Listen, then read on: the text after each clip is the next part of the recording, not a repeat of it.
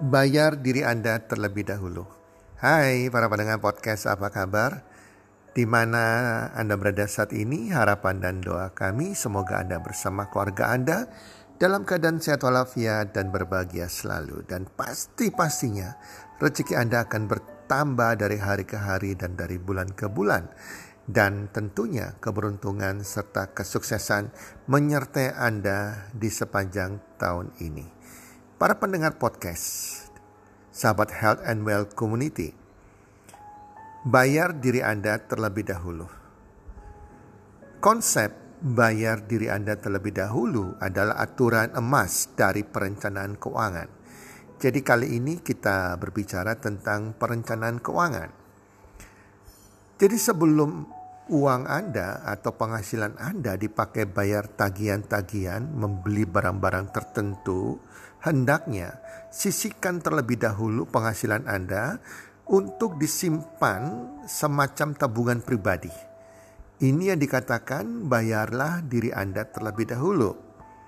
Nah, Anda sisihkan terlebih dahulu penghasilan Anda entah 10%, entah 20%, suka-suka Anda ke semacam tabungan pribadi ini dianggap sebagai tagihan pertama yang harus Anda bayar terlebih dahulu setiap bulan sebelum membayar tagihan-tagihan lainnya. Nah, jika Anda bisa melakukan hal ini sebagai kebiasaan Anda setiap bulan, maka artinya Anda sedang benar-benar membangun kekayaan luar biasa dari waktu ke waktu. Ibaratnya Anda sedang membangun sarang telur yang besar Tabungan yang Anda kumpulkan tersebut akan menjadi dana yang bisa digunakan di masa yang akan datang.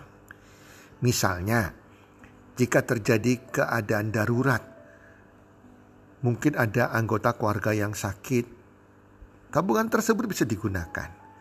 Atau juga Anda menabung, terus biarkan aja tabungan itu ya.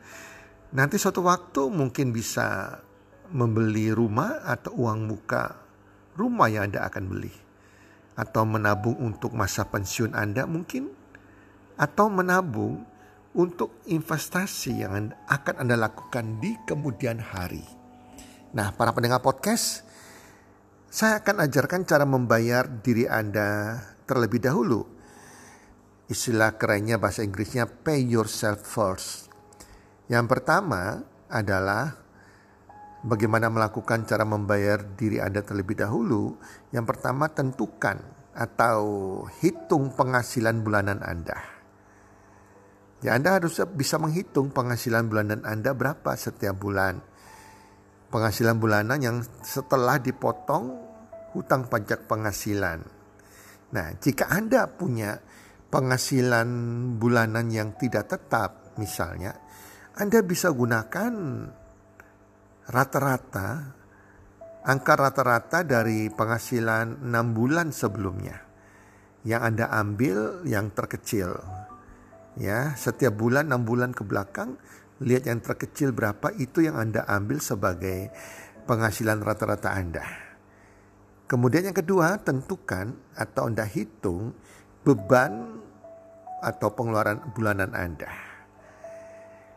Cara ter termudah dengan menghitung beban bulanan Anda atau pengeluaran bulanan Anda adalah melihat catatan bank Anda bulan lalu atau catatan pengeluaran Anda bulan lalu. Nah, yang ketiga, kurangi penghasilan bulanan Anda dengan beban bulanan Anda tersebut. Nah, selisih tersebut merupakan uang yang tersisa di setiap akhir bulan. Jika angka maka sisanya negatif di akhir bulan, akhirnya artinya uh, tidak ada uang lebih malah negatif, maka Anda harus mengurangi pengeluaran Anda yang tidak perlu. Anda mesti cek lagi pengeluaran apa yang kita bisa kurangi. Mungkin pengeluaran yang biasanya kita makan di luar atau makan di restoran ya, ya dikurangi ya, nggak harus makan di luar teman-teman dan lain-lain dan pemasukannya harus ditingkatkan. Bagaimana meningkatkan pemasukan ya? Anda harus mencari second income yang lain. Jadi mencari pemasukan kedua yang lain di luar pemasukan pertama Anda yang rutin setiap bulan. Nah, teman-teman, jika ada sisa dana lebih dari penghasilan bulanan Anda dikurangi beban bulanan Anda, jika ada dana lebih, maka Anda bisa putuskan berapa banyak dari dana lebih tersebut yang Anda akan bayar diri Anda. Mungkin bisa 10% sampai dengan 20% atau mungkin 30%. Anda yang tentukan sendiri. Untuk apa? Untuk ditabung. Sehingga ada dana untuk membiayai hal-hal yang tidak terduga. Dan saya sarankan ditabung dengan rekening terpisah, rekening tersendiri. Karena rekening ini khusus untuk dana yang membayar diri Anda sendiri. Atau istilahnya kita katakan dana darurat sehingga Anda tidak tergoda untuk menggunakan uang dari rekening tersebut. Nah, tabungan itu Anda diamkan saja. Jangan ditarik, jangan diutak-utik, jangan diambil, biarkan aja. Tiap bulan Anda menabung, tiap bulan Anda membayar diri Anda sendiri. Sampai suatu saat Anda membutuhkan. Misalnya di situasi darurat, Anda membutuhkan, Anda bisa mengambil dari tabungan tersebut. Nah, yang menariknya jika tabungan tersebut sudah 12 kali dari kehidupan uh, biaya kehidupan bulanan Anda, setelah itu Anda mulai start dengan investasi pada instrumen investasi yang tepat tentunya. Ya, jadi itu yang sangat-sangat luar biasa. Jadi Anda harus fokus membiayai diri Anda sendiri, artinya Anda harus memiliki tabungan sendiri Ya untuk tabungan berjaga-jaga atau tabungan darurat. Anda tabung terus tiap bulan, tabung terus tiap bulan. Sampai di mana tabungan tersebut bisa membiayai hidup Anda. Nilainya sebesar 12 kali dari biaya pengeluaran kehidupan Anda setiap bulan. Nah, jika sudah 12 kali dari biaya bulanan Anda, maka yang ke-13 Anda mulai masuk kepada instrumen investasi. Anda mulai masuk kepada kuadran 4 sebagai investor. Di situlah Anda mulai asik memiliki yang namanya peternakan uang atau perkebunan uang teman-teman ya. Jadi uang beranak lagi untuk uang tentunya dengan instrumen yang tepat yang sesuai dengan resiko yang siap Anda hadapi. Karena kalau kita masuk kuadran 4 tentang investasi kita bicara juga mengenai resiko juga pasti tinggi.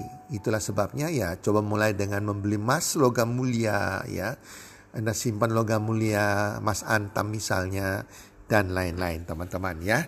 Jadi itulah teman-teman yang saya mau sampaikan jadi bayar diri Anda terlebih dahulu teman-teman. Ini adalah rule emas, peraturan emas untuk tahap awal, tahap awal Anda mengerti tentang bagaimana mengelola keuangan Anda. Jadikan kebiasaan Anda dan saya percaya ya Anda akan membangun kebiasaan yang baik, Anda akan terjamin keuangan Anda dan juga akan dicontoh oleh anak-anak Anda. Semoga bermanfaat dan salam sukses. One, two, three.